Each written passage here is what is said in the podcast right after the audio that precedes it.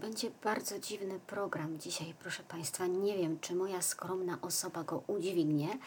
Nie wiem, kto raczy słuchać mojej skromnej osoby. W każdym razie będę miała zaszczyt nie krytykować, co nie tyle krytykować, co raczej krytycznie odnosić się krytycznie, czyli nie bałwochwalczo, ale rozumnie, e, do komunikatów, jakie ukazały się po ostatnim spotkaniu Konferencji Episkopatu Polski. Czyli będzie o księdzu Dominiku Chmielewskim. Ufam, że alerty na to nazwisko ustawione się już y, załączyły. I o Janie Pawle II. Zapraszam do oglądania, ale najpierw przywitać musimy tradycyjnie tych, którzy meldują się na żywo. Y, widzę, że w komentarzach, przynajmniej na YouTubie, dzisiaj idziemy w kierunku prognozy pogody. Ania Marzycielka pierwsza, nikogo to nie zaskakuje. E, Ore Ore pisze, że od dwóch tygodni miała nadzieję na ten temat. To tak antycypowała, bo mm, konferencja była tydzień temu. E, Monika donosi że w Warszawie jest biało. Maria z Bydgoszczy czeka na informacje o księdzu Chmielewskim. I z Petersburga ktoś się melduje. I Angel na prochach, bo zapalenie ucha. Rafał się martwi, że dobry wieczór gdzieś zginęł. Ja nie wiem, co się dzieje z komentarzami z YouTube'a, ale czasem nawet dobry wieczór znikają. W Lubinie widzę, że pada śnieg. W ogóle nie zazdroszczę. E, I siostra Ewa, i na Śląsku pada. Ktoś widzę słuchał wczoraj podcastu. Sypnęło się, proszę Państwa, Waszych komentarzy. Bydgoszcz, Marcin, skromny, dobry wieczór, skromna osoboż. Nie bądźcie tacy złośliwi, proszę Państwa. O, i z Rzymu Przemysław, pięknie. W Białymstoku też biało. Czyżbym mieszkała w najlepszym miejscu na świecie, gdzie nie pada właśnie śnieg? To znaczy, dawno nie wyglądałam za okno. Ufam, że nie pada. E, Proszę Państwa, jeżeli chodzi Kraków też biały, no to rzeczywiście mieszkam w najlepszym miejscu. Albo się okaże, że do nas dojdzie. Jastrzębie Zdrój Monika też się melduje. E, Jeżeli chodzi o rozkład jazdy na dziś, no to mamy księdza e, Dominika Chmielewskiego, a raczej reakcję Konferencji Episkopatu Polski na księdza Dominika Chmielewskiego, a potem o tym, co Konferencja Episkopatu Polski napisała o Janie Pawle II, no i troszeczkę o kazaniach e, biskupów z Ambon przy tej okazji, bo tam tak się zadziało. Monika mówi, że omal nie przegapiła. Proszę zapisywać, proszę Państwa, subskrybować, łapki w górę i tam takie inne dzwoneczki, to wtedy będą powiadomienia e, przychodziły. Ktoś się drugi melduje z Jastrzębia, proszę Państwa, poznajcie się. Ja zawsze lubię, kiedy się tutaj ludzie zaprzyjaźniają ze sobą. To jest program Reportaż z Wycinków Świata, Monika Białkowska. Zapraszam serdecznie. Oczywiście muszę się odnieść krótko do tego, czego się Państwo spodziewają, że się, y, że się odniosę, to znaczy do listu, który ujawniła dzisiaj więź, a który chyba mnie dotyczy. Y, Chyba, bo y, ksiądz arcybiskup Jędraszewski nie wymienia mnie z nazwiska, ale pani redaktorek w przewodniku katolickim oprócz mnie są jeszcze dwie. Y, Z tego co wiem, to ani Agnieszka, ani Weronika się nie poczuwają do tego, do tego zaszczytu. Proszę Państwa, mm, rezygnacja z zasiadania. A tu jest kot, już czeka, dobrze. Fufek śpi, ale czeka na smaczki. Dla nowych Państwa przypominam, że w tym programie karmi się koty. To jest czas też, żeby nakarmić swoje koty. Rezygnacja z zasiadania w Radzie Fundacji Jana Pawła II y, w sumie niewiele oznacza. Ona się nie wiąże z żadnym znikaniem z życia publicznego, jak się czasem pojawiały komentarze. Mm, To jest taki rodzaj y, zaszczytu bez wielkich chyba nawet obowiązków. Zajrzymy. Y, Fundatorem fundacji jest Konferencja Episkopatu Polski. Konferencja Episkopatu Polski powołuje Radę Fundacji na trzyletnie kadencje. W takiej radzie jest y, ośmiu członków. Y, Nie wiem, czy statut jest niejasny, czy ja w tym statucie czegoś nie rozumiem, bo jak go czytam, to widzę, że jest ośmiu członków, a na stronie widzę, że w tej chwili jest dziewięciu, już bez księdza arcybiskupa Marka Jędraszewskiego, no ale okej, różnie to bywa. Co teraz należy do kompetencji tej Rady Fundacji, z której y, zasiadania y, arcybiskup Jędraszewski zrezygnował, żeby mnie nie krępować. Y, Proszę Państwa, m, Rada musi wybrać swojego przewodniczącego. Rada musi raz w roku zatwierdzić budżet i projekt, projekt działalności na rok i musi przyjąć roczne sprawozdanie. To, to musi.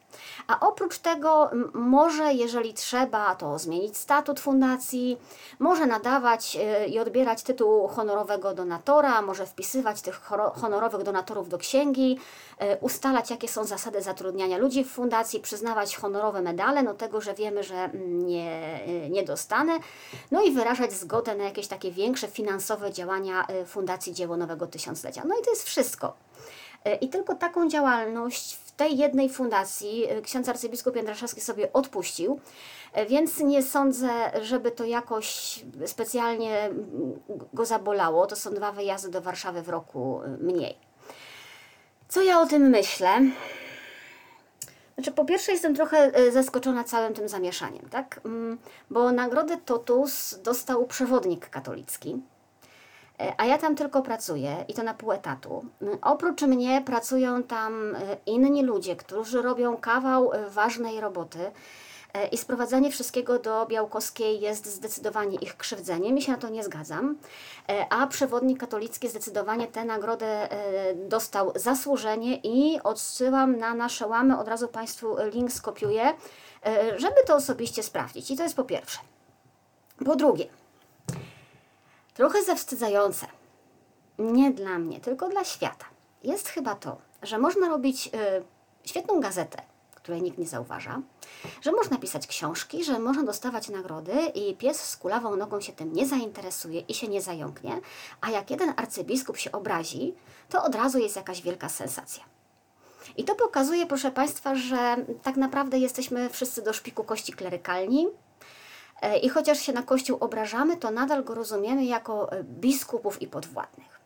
E, ja szczerze mówiąc niespecjalnie chcę tak pracować od sensacji do sensacji. Mm, I tym bardziej jestem wdzięczna tym z Państwa, którzy są tutaj na co dzień i z którymi razem próbujemy jakoś rozumieć i układać sobie w głowie ten Kościół, bo na tym to polega, a nie na szukaniu, na szukaniu sobie jakichś, jakichś sensacyjek. E, Ania się dziwi, czy krytykowałam obecność arcybiskupa fundacji. Nie, proszę tam sobie zajrzeć Pani Aniu do więzi. Chodzi o to, że fundacja przyznała nagrodę e, przewodnikowi katolickiemu i ksiądz arcybiskup nie chciał e, mnie krępować. No, no właśnie, i tak odnosząc się wprost do, wprost do listu, czy dla mnie osobiście, kiedy przewodnik katolicki dostawał tę nagrodę Totus, obecność arcybiskupa Jędraszewskiego w Radzie Fundacji, czy ona była krępująca i wstydliwa dla mnie? No, i czy była krępująca i wstydliwa na tyle, e, że ksiądz arcybiskup postanowił mnie od tego wstydu uwolnić? No, no nie tak. Po pierwsze, jakkolwiek to brutalnie zabrzmi, to dlatego, że nie sprawdzałam, kto zasiada w Radzie Fundacji. Naprawdę wystarczała marka pod tytułem Fundacja Dzieło Nowego Tysiąclecia i ta marka się liczy. A jeżeli nawet myślimy, kto za tą fundacją stoi, no to wiemy, że stoi za nią Konferencja Episkopatu Polski i już. I nie wiem, ja nie jestem taka drobiazgowa, żeby y, zastanawiać się nad nazwiskami konkretnych biskupów gdzieś w jakichś kadencyjnych radach. Naprawdę, no, nie ma to dla mnie jakiegoś większego znaczenia. Po drugie, mm, nawet gdybym się nad tym zastanawiała, to, to chyba bym się wcale nie wstydziła, tak? Przeciwnie, y, ja bym się ucieszyła, że jest super, że arcybiskupa Jędraszewskiego stać na taką otwartość, że udowodnił, że stać go na myślenie ponad podziałami, że potrafi docenić, jak to napisano w tym uzasadnieniu nagrody Totus dla przewodnika katolickiego, że potrafi docenić, że prowadzimy w Kościele krytyczną dyskusję, pozostając wierni y, Ewangelii. Bo to w tym uzasadnieniu ucieszyło nas najbardziej, nie? Że ktoś docenił tę wierność i docenił, że można się różnić i dyskutować i że ta dyskusja jest twórcza i że ta dyskusja jest dobra dla Kościoła. Więc y, gdybym w ogóle wiedziała, że arcybiskup Jędraszewski był w radzie tej fundacji przyznającej nagrodę, to naprawdę bym się ucieszyła. I to, I to dopiero byłby dla mnie, proszę Państwa, taki pstryczek w nos. A widzisz, udowodniłem Ci, że nie jestem taki zamknięty, a właśnie, że potrafię docenić nawet tych, z którymi się nie zgadzam. I to jest nieprawda, co o mnie mówią. No i właśnie ucieszyłabym się, bo zamiast takiego pstryczka w nos, mm, no to ksiądz arcybiskup był łaskaw zrezygnować. Jak to nazwał, bo jak to może być, że ktoś krytykuje jego skromną osobę? Nie, proszę Państwa, ja nie krytykuję osoby. Można przejrzeć e, filmy, dyskutuję, polemizuję z różnymi głoszonymi tezami. E, a ktoś, kto uważa swoją osobę za osobę naukową, że tak powiem, to powinien to odróżniać, tak? Krytykę osoby od dyskusji, czy nawet krytyki konkretnych poglądów. E, swoją drogą, proszę Państwa, już abstrahując od, od tematu arcybiskupa Jędraszewskiego, to e, przyznam własnoręcznie wyrzeźbiony order z ziemniaka każdemu, kto mnie wytłumaczy, skąd się wzięła w Polsce ta obrzydliwa maniera mówienia o swojej osobie. Bo jak, jak ja to słyszę, to mam natychmiast wrażenie, że albo mam do czynienia z jakimś egocentrykiem, albo, przepraszam, no, z młotkiem pozującym na inteligenta. Nie? Wszystkie celebrytki mówią o mojej osobie. Co to jest za językowe dziwadło i skąd to, i skąd to się wzięło? Ja się boję tutaj upubliczniać Państwa komentarze, bo aż nie wiem, co, co tutaj się pojawia, a nie nadążam z czytaniem. yy, dobra. Y, pogubiłam się w wątkach. Y, odnosząc się do komentarzy z więzi jeszcze, y, które trochę mnie bawiły, ale przez łzy, bo ufam, że nie stracę przez całe tę szopkę resztek pracy, to bardzo serdecznie polecam. Po pierwsze, lekturę przewodnika katolickiego podrzucam jeszcze raz. Wykorzystam tę okazję na maksa, proszę Państwa. Świetna gazeta. Polecam też mój Patronite, tak, bo Państwo wiedzą, czym się może skończyć taka aferka. Ale odnosząc się do komentarzy, to chciałam powiedzieć, że wbrew pozorom, bo tam było parę komentarzy, które mnie uderzyły, e, nie jestem taką drobną kobietką, proszę Państwa. E, siłownie mi teraz pod domem otworzyli, ja się postaram dorosnąć do tej opinii, ale nie, jeszcze nie. Po drugie, siła kobiet, no to owszem jest, i zdaje się, że teraz już wiemy skąd ten opór przed y, wpuszczaniem w ogóle kobiet do y, życia kościoła. Tak? No właśnie stąd, że mogą się okazać y, silne. Po trzecie, absolutnie nie, miałam to otwarte dla niego smaczki, już wszystkie zażarła? Nie. Tutaj są. Mm, absolutnie nie planuję ustawiać żadnych składów rad, fundacji, ani tym bardziej składów episkopatu. Ja bym wolała, naprawdę bym wolała, żeby episkopat niezależnie od składu po prostu zaprzyjaźniał się ze swoim kościołem, żeby był blisko ludzi, e, a nie żeby był blisko siebie e, zbity w przestraszoną kubkę. Tak? To, to jest jakiś ideał, a nie to, żebym ja sobie wybierała, kto tam ma siedzieć. E, po kolejny punkt, bo się gubię. Absolutnie nie zgadzam się na to, żeby ta sytuacja była pretekstem do obrzucania kogokolwiek e, jakimikolwiek inwektywami, e, również arcybiskupa Jędraszewskiego i się pod tym nie podpisuję. Rozmawiajmy o poglądach, rozmawiajmy o faktach merytorycznie, a nie bluzgami i bardzo Państwa o to proszę. E, państwo tutaj pewnie tego nie robią, bo się spotykamy w kulturalnym gronie, ale w różnych miejscach różnie już się zdarzało. Panowie w komentarzach podpowiadali, też tam się wywiązały dosyć ciekawe dyskusje, dyskusja, żeby jeszcze zamurować okna w siedzibie fundacji, a mnie w środku. E, po pierwsze, to znów spokojnie, bo e, fundacja nie ma siedziby w Krakowie, robi dobrą robotę. Nie patrzmy na nią przez pryzmat tego jednego wydarzenia. E, Fundacja Dzieło Nowego Tysiąclecia to jest dobra robota. Po drugie, mm, tego zamurowania, zwłaszcza ze mną w środku, to jednak proszę nie podpowiadać, bo Państwo wiedzą, że takie y, głupie żarty to czasem ktoś bierze na serio, więc tak ostrożnie.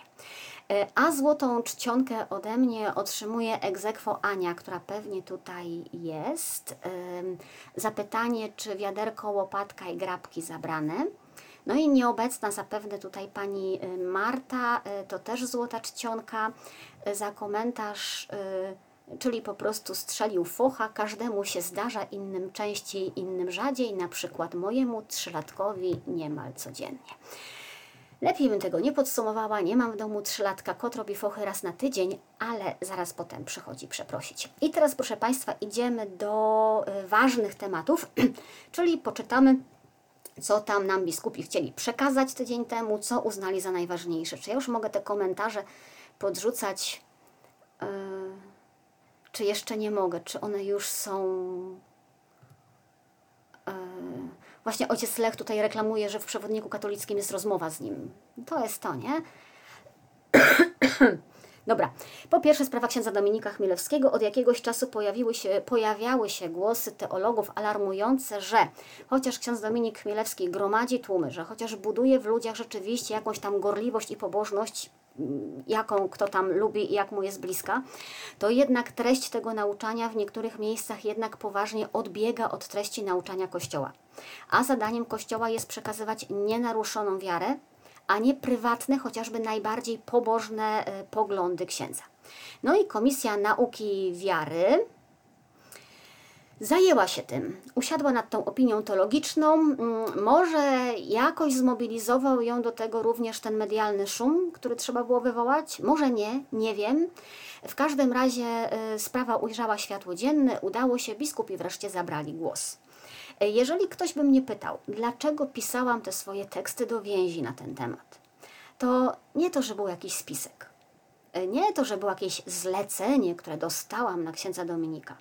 To nawet nie była chęć e, nawrócenia zwolenników księdza Dominika. To było po prostu, proszę Państwa, wołanie o reakcję biskupów. I to był mój priorytet. I tego głosu na szczęście się doczekaliśmy. Usłyszeliśmy w komunikacie, że odbyło się to spotkanie.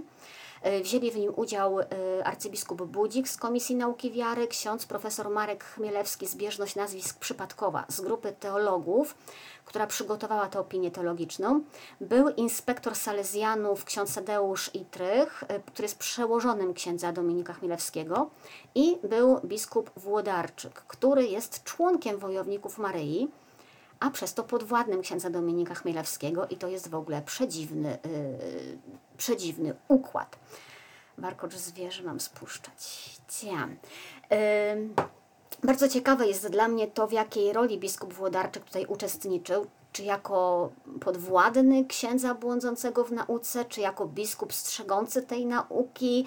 Yy, naprawdę mu tutaj nie zazdroszczę czytamy, że obydwie strony przyznały, że zgromadzenie kilku tysięcy mężczyzn jest niewątpliwie fenomenem duszpasterskim, zasługującym na uznanie, niemniej jednak nauczanie księdza Dominika Chmielewskiego wymaga korekty. Czyli tłumaczymy na polski. Super, że zgro są zgromadzeni mężczyźni. Super, że ktoś się nimi zajął i dostrzegł jakąś lukę w duszpasterstwie. Ale w nauczaniu są błędy i nie wolno ich dalej powtarzać. I ja rozumiem, proszę Państwa, że to tłumaczenie może wielu y, nie zadowalać. I rozumiem, że wielu się mogło spodziewać, że biskupi wydadzą tutaj zakaz nauczania i zakaz działalności, ale to było raczej niemożliwe. Z kilku powodów. Przede wszystkim dlatego, że mm, niestety odnoszę wrażenie, że u nas czwartą osobą Trójcy Świętej jest sukces duszpasterski. I jeżeli sukces duszpasterski potwierdza czyjeś działanie, to już pytać o prawdę Jezusa czy Ducha Świętego nie trzeba. E, po drugie, ja też uważam, mm, Ania mówi, że jest ciekawa tej opinii teologicznej, proszę zajrzeć na więź, ta cała opinia teologiczna tam jest w całości. E, ja też, proszę Państwa, uważam, że nie ma co za szybko wylewać dziecka z kąpielą. Trzeba upomnieć zdecydowanie, trzeba pokazać błędy, trzeba dać czas na ich naprawienie, a dopiero potem podejmować bardziej radykalne kroki, kiedy tej poprawy nie będzie. To jest uczciwsze załatwienie sprawy niż takie zamykanie od razu z nienacka komuś ust. To może wyglądać na przeczekanie, ale tak, poczekajmy, zobaczymy, czego dalej będzie uczył ksiądz Chmielewski i to dopiero będzie sprawdzian. Na razie dostaliśmy informację, według jakich kryteriów on będzie egzaminowany, że będziemy sprawdzać, na ile w których punktach to jego nauczanie teologicznie tu się e, zmienia. E, Magda pisze, 120 ludzi słucha i nie ogląda meczu. Brawo Pani Magdo. Ja mam podgląd na wszystkie media, na których jesteśmy, więc jest 350 w tej chwili, a nie 120. Trochę mnie to przeraża.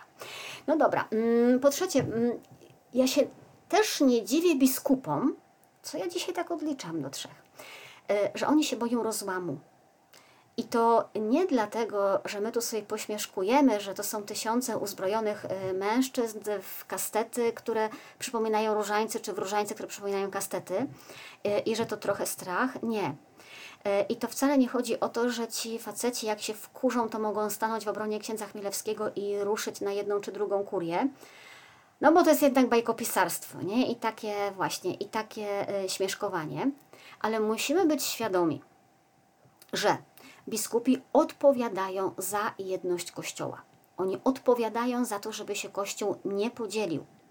I każdy rozłam oznacza, że gdzieś dali plamę, że zaniedbali troskę o tę jedność. I owszem, powinni reagować odpowiednio wcześniej, a nie zareagowali. Że powinni powstrzymać błąd, a jeżeli jest rozłam, to go nie powstrzymali.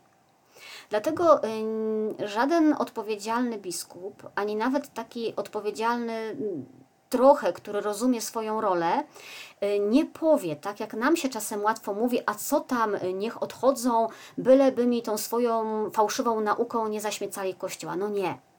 Y, on musi zrobić naprawdę, proszę Państwa, wszystko, żeby powstrzymać tę grupę ludzi od błędów w nauczaniu, żeby ich trochę zawrócić w tej drodze do doktrynalnego rozłamu, i dlatego biskupi dają czas, upominają, rozmawiają, powstrzymują, dopóki tylko się da i tak długo jak się da.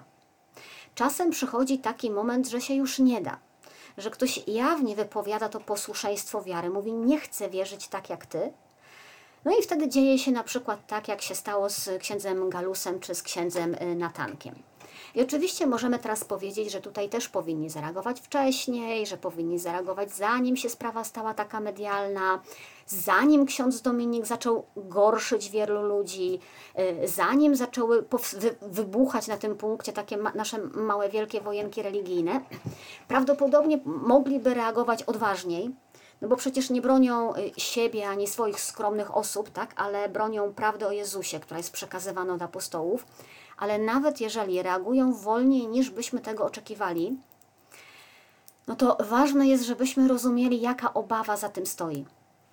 Oni się boją, żeby się nie stać przyczyną odejścia dla tych ludzi, których być może można było jeszcze w kościele zatrzymać. Rozumiemy, nie? E, szkoda, że nie widzą tego w innych sytuacjach, ale okej, okay, rozmawiamy tutaj w tej chwili w kontekście księdza e, Chmielewskiego. Dlatego właśnie ten komunikat wydaje mi się zrozumiały, tak po prostu. I, e, i nie mogliśmy niczego więcej oczekiwać. Pozostaje pytanie o ciąg dalszy co z tym zrobią i jakie będą konsekwencje, jeśli by się ksiądz Dominik w swoim nauczaniu nie podporządkował. No ale na to trzeba dać czas. Musimy usłyszeć, co będzie mówił teraz. Co jest dalej w komunikacie? Y, ksiądz inspektor Itrych zapewnił, że mm, założyciel wojowników Maryi działający w porozumieniu ze swoją władzą zakonną, pragnie być wierny nauce Kościoła i zastosuje się do krytycznych uwag zawartych we wspomnianej opinii teologicznej. Na razie nie widzieliśmy jakiejś szczególnej y, gorliwości. Na razie nie widzieliśmy jakiejś szczególnej gorliwości księdza inspektora w tej kwestii. Wydawał się raczej stać po stronie księdza Dominika. E, i niespecjalnie zwracać uwagę na treść jego nauczania. Mamy tutaj znów ten dogmat skuteczności duszpasterskiej, może i finansowej, mm, no ale zobaczymy. E, skoro ksiądz inspektor deklaruje zastosowanie się do tych krytycznych uwag z opinii teologicznej, no to na razie bierzemy to za dobrą e, monetę, no i zobaczymy. Dalej ksiądz inspektor, czytam dalej komunikat, poinformował, że przygotowywana jest nowa wersja statutu, która zostanie przesłana do zatwierdzenia przez Radę Prawną Konferencji Episkopatu Polskiej. I nad tym statutem y, trzeba, można się zatrzymać tak na chwileczkę. Przepraszam, bo kot jeszcze chce. Ile ty zjadasz, małpku? Ile ty zjadasz? Dopóki ci daję, nie? Mm, jest poświęcone sporo miejsca w tej opinii teologicznej statutowi. Ja spróbuję tylko wymienić kilka takich najistotniejszych y, słabości tego, tego statutu. Mm, po pierwsze, on nie spełnia takich wymogów prawnych, czyli pojęcia formalno-prawne i pojęcia formacyjno-duszpasterskie są tam wymieszane. I nawet kiedy ja, nie będąc prawnikiem, czytam ten statut, no to wygląda tak, jakby ktoś się bawił i, i grupka chłopców zebrała się i wymyśliła sobie coś, żeby wyglądało podobnie jak statut. No, no nie, są, są wymogi, które statut musi spełniać i tego tutaj, e, i tego tutaj nie ma. Druga rzecz to jest problem całej organizacji, całej struktury, bo proszę zobaczyć, nad tym ruchem w całości stoi inspektoria salezjańska, czyli coś w rodzaju diecezji obejmującej, takiej diecezji zakonnej, tak bym to powiedziała, nie terytorialnej, tylko dotyczącej salezjanów. No więc ta inspektoria salezjańska to jest ten świat, w którym działają wojownicy Maryi. Ale ten ruch w tej chwili rozrósł się tak, że mm, powstają grupy wojowników Maryi w zwyczajnych parafiach, nad którymi Salezjanie nie mają żadnej władzy, nie są tam przełożonymi.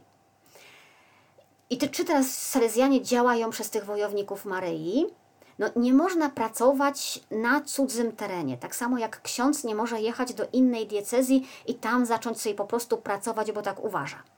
Dlatego, żeby to było legalne, żeby to było ok, to trzeba uznać, że wojownicy Maryi przestają być dziełem tylko salezjańskim, a jak przestają być dziełem wyłącznie salezjańskim, no to muszą mieć aprobatę Konferencji Episkopatu Polski. A jeżeli nie chcą aprobaty Konferencji Episkopatu Polski i chcą pozostać dziełem tylko salezjańskim, no to wtedy mogą działać tylko w parafiach salezjańskich. I trzeba tu się zdecydować. Albo się ograniczamy tylko do działania pod skrzydłami salezjanów i tylko w ich parafiach, albo zgłaszamy całą sprawę do KEP-u i KEP musi nam to zatwierdzić. Innej opcji takiej legalnej działalności w kościele po prostu nie ma. E, po trzecie, tam zwracają uwagę na błędy e, formy, na proporcje między formacją a organizacją. Mówimy tu cały czas o brzmieniu statutu, bo w statucie na temat formacji jest tylko jeden krótki paragraf. A o tym, jak mają wyglądać być powoływani, jakie mieć kompetencje koordynatorzy i liderzy, to jest aż siedem paragrafów i czytamy w tej y, opinii teologicznej, że, y, teologiczno-prawnej, że ta dysproporcja może świadczyć o faktycznej marginalizacji formacji. Czyli niezależnie od tego, jak oni będą o sobie mówić, to y, ze statutu wynika, że bardziej jednak kręcą ich te struktury, porządek, ten układ, niż sama formacja. Może tak nie być ale wtedy ten statut trzeba inaczej zapisać. Po kolejne mylą mi się już punkty. Y, charyzmat ruchu. Y, cytuję z tej krytyki. W świetle obecnego opisu wydaje się, że charyzmatem jest swoiście rozumiana pobożność maryjna z elementami XIX-wiecznej i przedsoborowej mariologii. Tymczasem specyfiką ruchu, jak wygląda z jego prezentacji w mediach społecznościowych, jest religijna formacja mężczyzn do ich roli w małżeństwie i rodzinie, jak również w kościele i społeczeństwie. Więc chodzi o to, proszę Państwa, żeby to było spójne, żeby było jasne i opisane jednakowo w przekazach zewnętrznych i w statucie, o co tak naprawdę w tej organizacji chodzi, co jest takim jej głównym rysem. Kolejny problem, który się pojawia, mm, to, że ze statutu wynika, że jedyny y, duchowny w strukturach organizacyjnych tego ruchu to jest opiekun duchowy ruchu, w tej chwili ksiądz Dominik Chmielewski.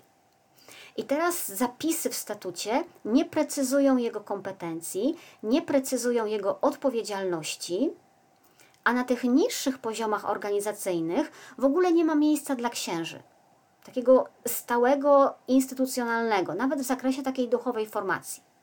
Oni mogą być co najwyżej zaproszeni przez lidera, ale też nie wiadomo, jakimi przesłankami ma się kierować ten lider, którego księdza ma wybierać, kiedy ma wybierać, czy w ogóle musi go wybierać, czy nie musi. I komisja, która badała ten statut od strony prawnej, uważa, że to w dalszej perspektywie może być niebezpieczne. I rozumiem to o tyle, że no możemy mówić o zwiększaniu aktywności świeckich, ale też rozumiem, że dopóki jesteśmy w kościele, to nie może to być aktywność, aktywność świeckich, która z góry wyklucza księży albo ucieka od księży, tak? No nie o to tutaj chodzi. Wychodzisz, Melanią? Dobrze.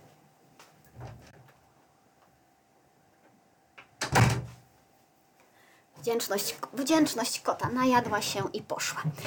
E, dalej, wątpliwe, wątpliwości budzi zapis, że do pasowania wojownika wystarczy weryfikacja w postaci braterskiej rozmowy z liderem po ukończeniu programu formacyjnego E, I tu mamy wątpliwości, bo nie wiadomo, jaki jest status tej braterskiej rozmowy, jakie są kompetencje tej osoby weryfikującej, jakie są kryteria tej rozmowy.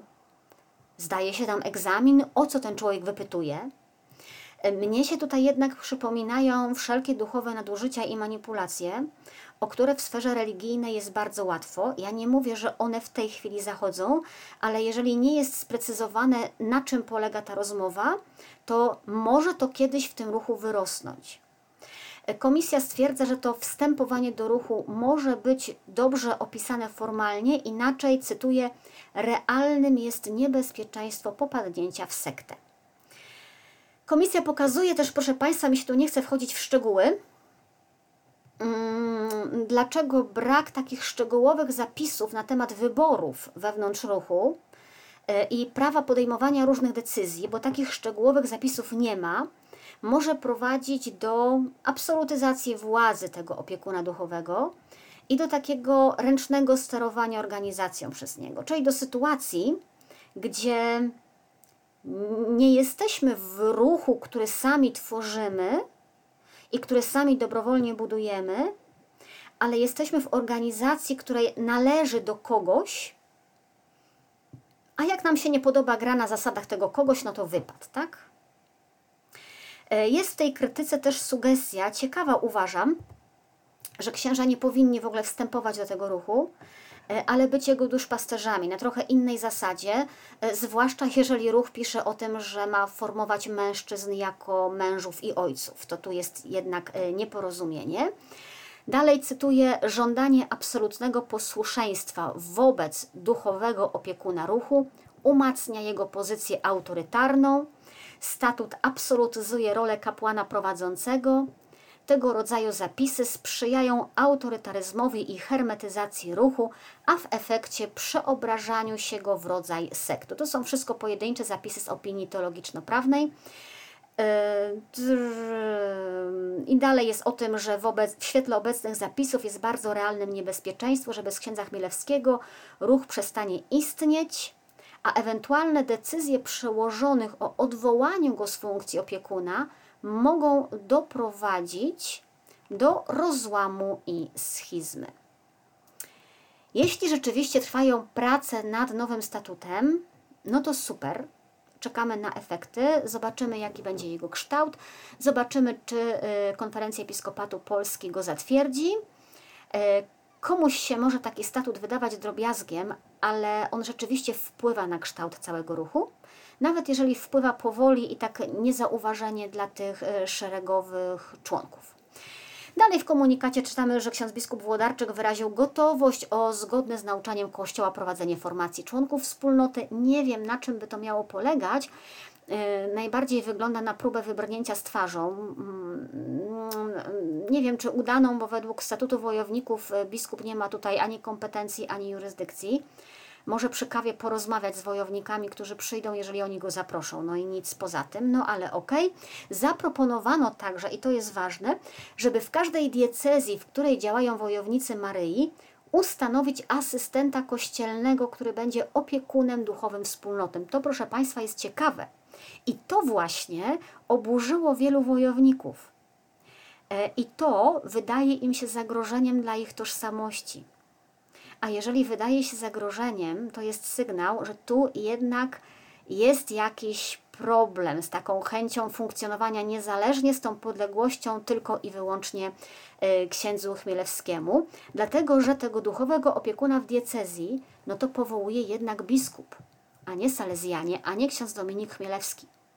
I biskup może powołać jakiegoś zwolennika wojowników, którego ma w swojej diecezji, ale nie musi.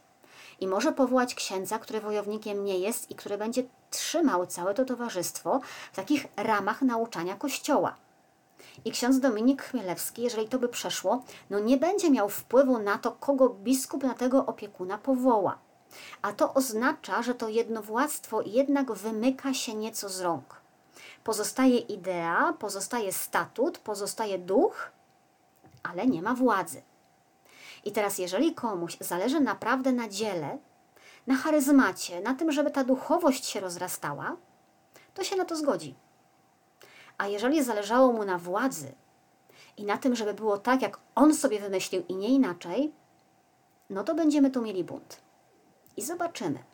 Jestem, jestem niezmiernie ciekawa, co się będzie działo dalej. Myślę, że jak spotkamy się w tym temacie tak za pół roku, proszę mi się przypomnieć około czerwca, to myślę, że możemy już wiedzieć, widzieć coraz, y, coraz więcej, może nieco więcej. Może się zdobędę na to, żeby to nauczanie jakoś bardziej na bieżąco śledzić. I drugi temat na dziś. Muszę odetchnąć. I drugi temat na dzisiaj, proszę Państwa, to jest drugi list biskupów do nas, czyli o tym, co zrobiliśmy z Janem Pawłem II i jakim prawem. Ten tłum mnie tu dzisiaj stresuje, aż mi nos mnie swędzi. Yy, przeczytałam cały ten komunikat, to stanowisko Rady Stałej. Rady Stałej, czyli nie podpisali się pod tym wszyscy biskupi. Może to wskazywać, że nie mieli czasu, a może wskazywać, że nie wszyscy byli zgodni. Yy, Zajmę się tylko, to się nazywa stanowisko wobec działań Jana Pawła, tam Rady Stałej, wobec działań Jana Pawła II odnoszących się do przestępstw seksualnych wobec małoletnich. Y, zajmę się tylko y, niektórymi fragmentami, tymi szczególnie mnie poruszającymi. E, są też fragmenty dobre, proszę zajrzeć do tego stanowiska w całości, wyrobić sobie swoje zdanie. Jest dostępne na stronie konferencji Episkopatu Polski. Cóż my tutaj, proszę Państwa, mamy? Proszę napytać, jaki tłum, raptem, raptem parę osób. Ja. E, mamy tutaj, że pojawiają się pytania, czy Jan Paweł II wiedział i czy reagował że stawiana jest teza w świecie, że niewiele robił albo ukrywał. I teraz cytuję: Panuje swego rodzaju moda na formułowanie tego rodzaju opinii. Wpisuje się to w próby podważania autorytetu Jana Pawła II, a nawet zakwestionowania jego świętości, potwierdzonej w procesie beatyfikacyjnym i kanonizacyjnym. W konsekwencji stanowi to usiłowanie pomniejszenia znaczenia tego wyjątkowego pontyfikatu dla Kościoła, świata, kultury i człowieka. Ano nie. E, to nie jest e, moda. To są naprawdę dylematy osób wierzących, osób, które stają bezradne wobec zła, które zobaczyły E, to są dylematy ludzi, którzy są bezradni, którzy szukają odpowiedzi e, i chcą tylko zrozumieć, jak to się mogło stać. Mówienie, że to jest moda i próba podważania autorytetu, jak dla mnie świadczy o takim niezrozumieniu pytań, przed którymi faktycznie stają ludzie. Żeby nie powiedzieć, że świadczy o lekceważeniu wrażliwości ludzi i to wrażliwości, która nie chce upokorzyć czy odrzucić od siebie Jana Pawła II, ale chce zrozumieć. Zrozumieć, jak to było możliwe. Proszę posłuchać tego. Ja to trochę skracam, ale tak, żeby nie zmieniać sensu. Medialny atak na świętego Jana Pawła II i jego pontyfikat znajduje swoją przyczynę w nastawieniu do jego nauczania, chociażby głoszonej przez niego teologii ciała, co nie odpowiada współczesnym ideologiom propagującym hedonizm, relatywizm i nihilizm moralny. Spojrzenie na działania Jana Pawła II powinno uwzględniać kontekst historyczny, stan ówczesnej wiedzy, a także uwarunkowania, w jakich on żył. Były one naznaczone przede wszystkim następstwami rewolucji kulturowej 1968 roku, odrzucającej obiektywne kryteria moralności i osobowej odpowiedzialności. Jasne jest, że trzeba uwzględniać ówczesny stan wiedzy. Ja to powtarzam tutaj do znudzenia, że musimy wiedzieć, że ludzie mieli inną świadomość. Ale proszę Państwa, czy Państwu się nie wydaje jednak za proste zrzucanie winy na hedonizm, nihilizm moralny i rewolucję seksualną z 1968 roku? Proszę policzyć sobie dobrze. Dzieci te pierwsze dzieci, urodzone jako owoce rozpasania seksualnego, urodzone, dajmy na to, w 69 roku, mają dzisiaj 53 lata. I te dzieci, owoce tej rozpasanej rewolucji seksualnej, mają już dzisiaj wnuki. A to znaczy, że na świecie są już prawnuki tej rewolucji seksualnej. I oczywiście, że ona wywarła jakiś skutek na świat, tak? Ale po niej wydarzyło się jeszcze mnóstwo innych procesów, z błędami Kościoła włącznie. Więc zwalanie tego wszystkiego na rewolucję seksualną naprawdę w uszach naszych świeckich, którzy gonią ten świat, no brzmi po prostu śmiesznie. Y, jakby ktoś nie do końca łapał, w jakim świecie żyje i jak ten, jak ten świat wygląda. Ale brniemy w to dalej.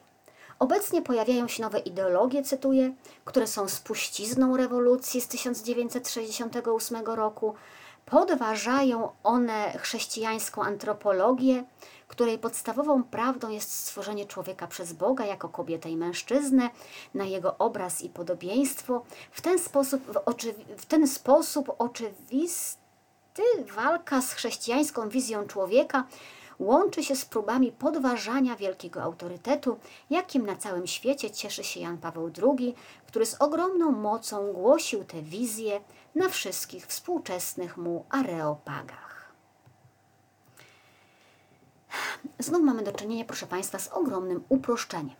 Zauważamy jakąś wielką ideologiczną walkę o wizję człowieka, a nie zauważamy, zagubienia prostych ludzi, którzy kochali Jana Pawła II i którzy chcą, chcą wciąż być w kościele, ale jednocześnie chcą znać prawdę, nie chcą być oszukiwani.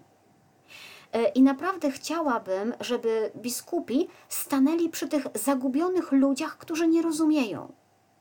Żeby stanęli przy ludziach, a nie przeciwko ideologiom, których zdaje się nie do końca nawet potrafią y, zidentyfikować.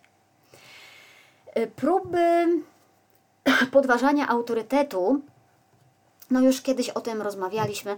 Ja czasem jestem zmęczona powtarzaniem wciąż tego samego, ale w skrócie, jeżeli na autorytecie, na takim pomniku pojawia się rysa, to nie zawsze to znaczy, że ktoś w ten pomnik rzucił kamieniem albo specjalnie go podpiłował, żeby się chwiał. Nie, nie zawsze. Jeżeli na autorytecie pojawi się rysa, to na przykład dlatego, że czasem któryś ten pomnik nie był z marmuru, albo że ktoś się zbytnio pospieszył w budowie tego pomnika, albo wykonawca nas oszukał i zamiast y, pomnika ze spiżu dostaliśmy wydmuszkę. I możemy się owszem oburzać, y, że ten pomnik się chwieje y, i możemy go próbować ustawiać w pionie, ale najpierw trzeba uważnie sprawdzić, czy to aby na pewno jest marmur i przy budowie nie popełniono błędów. A jak już to się sprawdzi, to on będzie mógł stać dalej, naprawiony i wtedy nie runie na 100%. A jak będziemy udawali, że coś jest ok, a nie jest, to runie na pewno, z wielkim hukiem i jeszcze skrzywdzi ludzi po drodze. I myślę, że ludzie, przynajmniej ci, którzy są w kościele, wcale nie chcą tego pomnika Jana Pawła II burzyć. Chcą po prostu sprawdzić. Chcą być pewni, że nikt im nie wcisnął kitu. Chcą się przekonać. I to jest dobre, że my już nie wierzymy w to, że Słowacki wielkim poetą był. Chcemy go czytać. No, chyba, że biskupi ten swój, to swój komunikat, to swoje stanowisko napisali do e, anonimowych, internetowych hejterów, tak? Bo to się też będę zdarzała. Będzie się zdarzało e, takie głosy, bo, bo one są w świecie, ale Znowuż, jeżeli biskupi mówią do tych anonimowych hejterów ze świata, to ja stanę w pierwszym rzędzie i będę krzyczała hello, usłyszcie nas, nas, bądźcie z nami, bądźcie przy nas i przy naszych pytaniach, a nie gdzieś tam.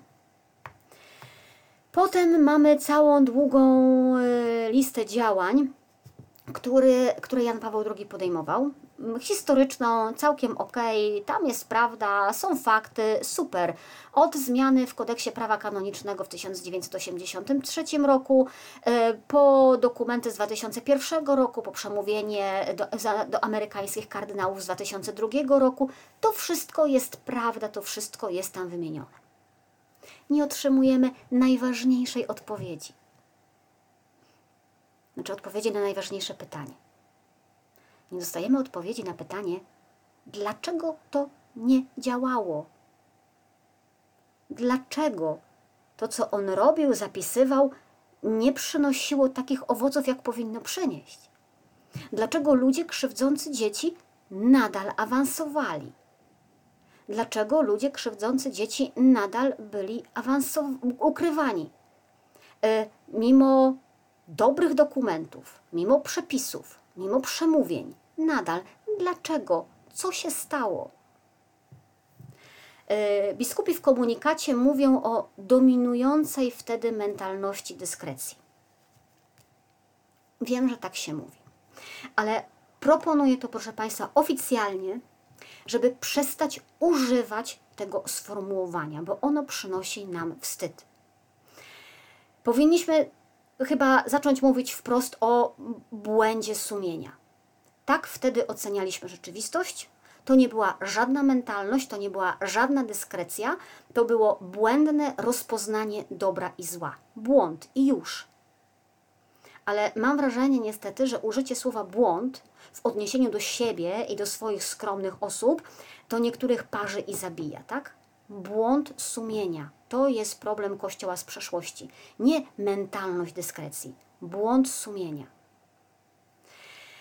Y, biskupi mówili, że trzeba postawić pytanie, na ile Jan Paweł II był rzetelnie informowany przez powołane do tego organy, a w jakim stopniu pewne decyzje były podejmowane bez jego wiedzy na innych szczeblach władzy zgodnie z kompetencjami. No to akurat jest bardzo odważna teza.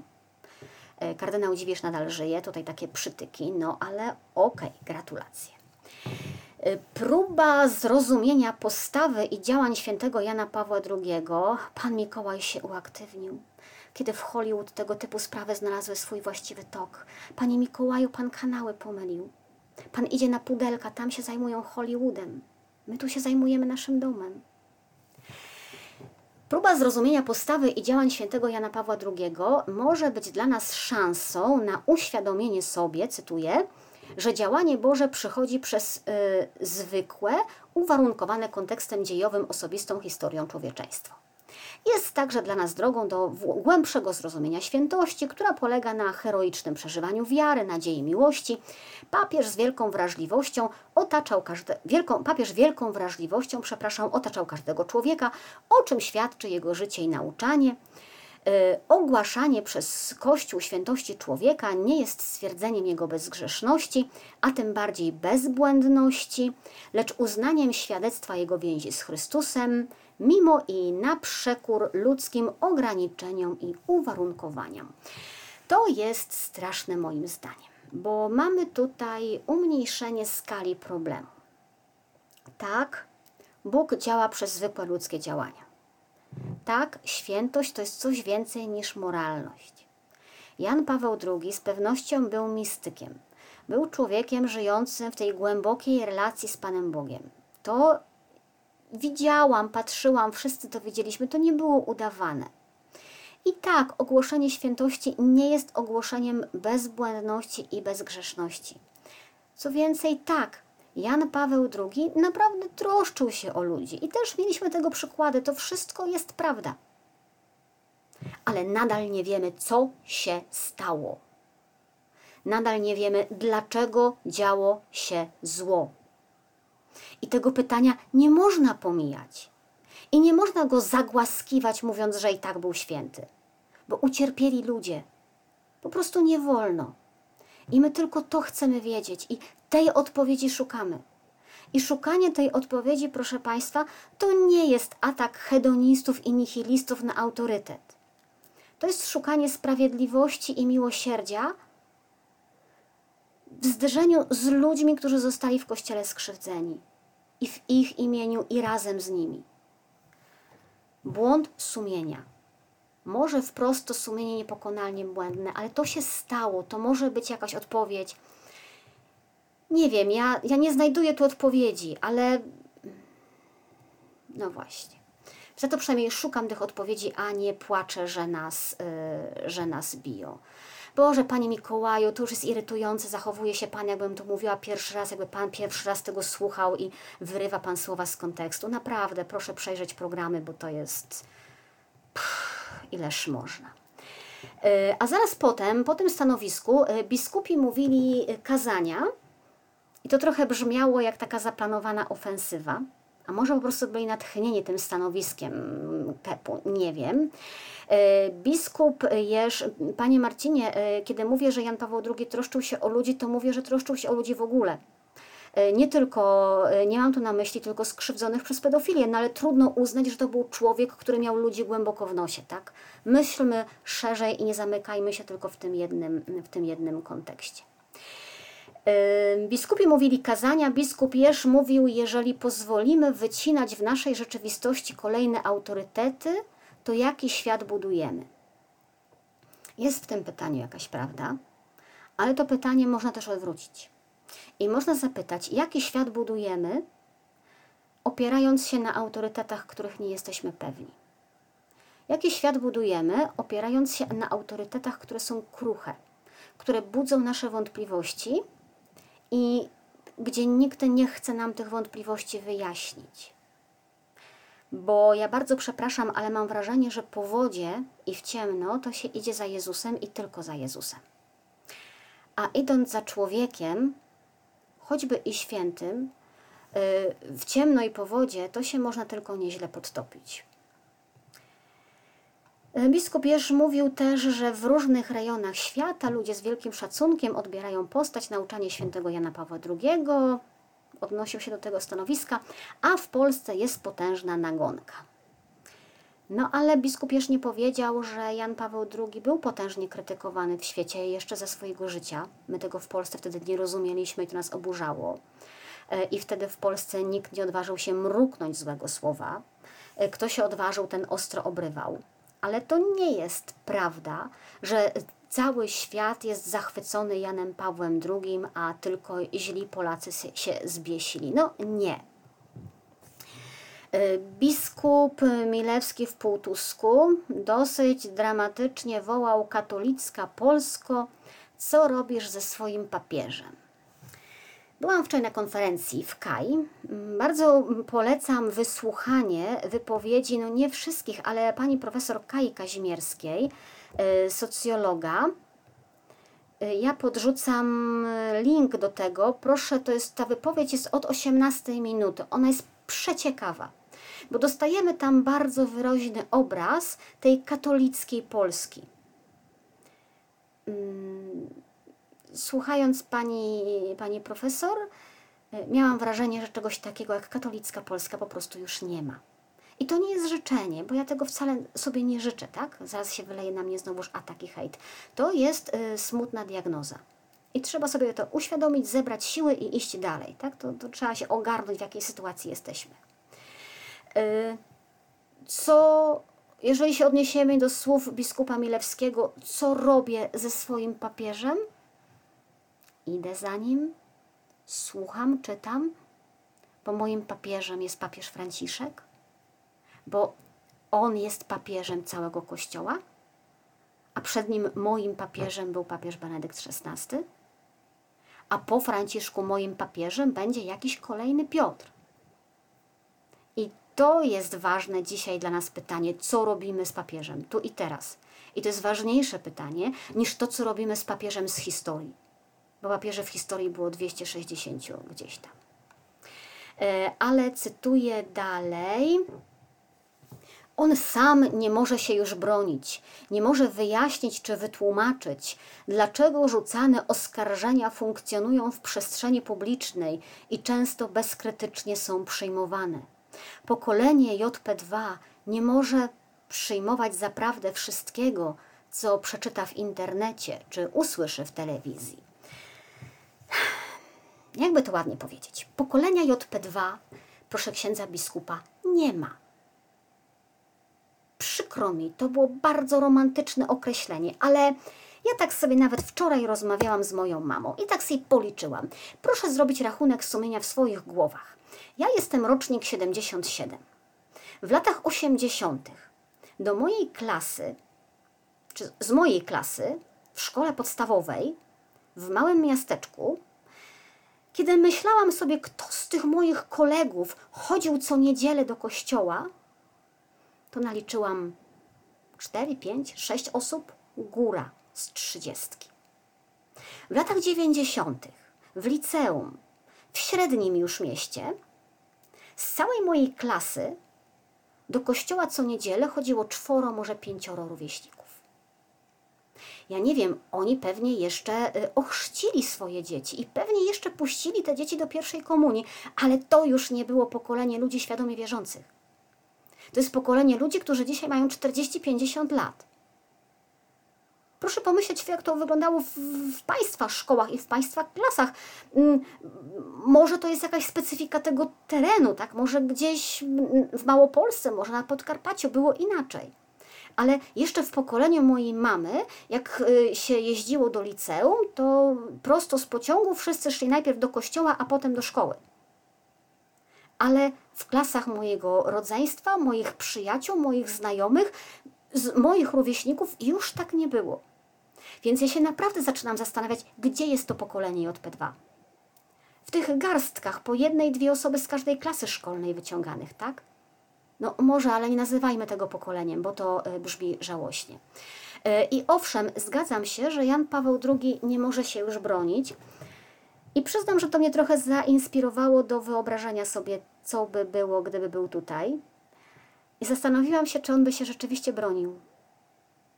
E, I czy mając dzisiejszą wiedzę, taką jaką my mamy, i świadomość tego, co się stało, czy on by się bronił, czy by po prostu zaczął płakać i by chował swoją twarz, tak jak to miał w zwyczaju, w, w dłoniach, i czy by nie błagał o przebaczenie.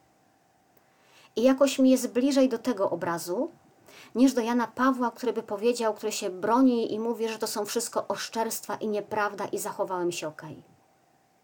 Ja myślę, że, że mógłby rozumieć dzisiaj, dlaczego to nie było ok.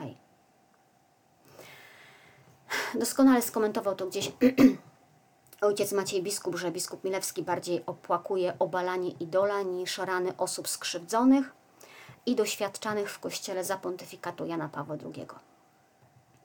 No i jeszcze kardynał Dziwisz też zabrał głos. Mm, mamy nie zapominać, że zawdzięczamy mu to, że możemy żyć w wolnym kraju, który zrzucił z siebie jarzmo totalitarnego systemu i komunistycznej dyktatury. No okej, okay, yy, zawdzięczamy, ale tak jakby no nie o polityce światowej tutaj rozmawiamy, ale rozmawiamy o krzywdzie dzieci i to jest trochę inny temat. Tak mi się wydaje.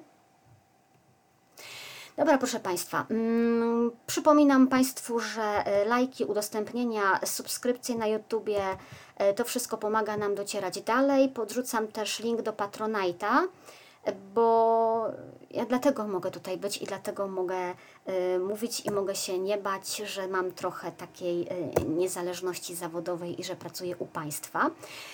A my widzimy się w poniedziałek, widzimy się o godzinie 21.15. Mm, nie zapraszałam chyba na poniedziałek żadnego gościa, ale na takich vlogach y, znalazłam fascynujące opowieści o tym, jak czytać Pismo Święte. Opowiadają o tym ludzie, którzy uważają się za tradycyjnych katolików. I to, co opowiadają, sprawiło, że moje włosy stanęły dęba. Więc pogadamy sobie trochę o tym, jak czytać pismo, jak czytać pismo święte, między innymi, chociaż pewnie bieżące rzeczy jeszcze zdążą nas poruszyć. Y, zapisane, kliknięte, polubione, ufam, że jest wszystko ok. Dobrej nocy Państwu życzę. Wyrobiłam się dzisiaj w czasie. To był program Reportaż z Wycinków Świata. Monika Białkowska. Dobrej nocy.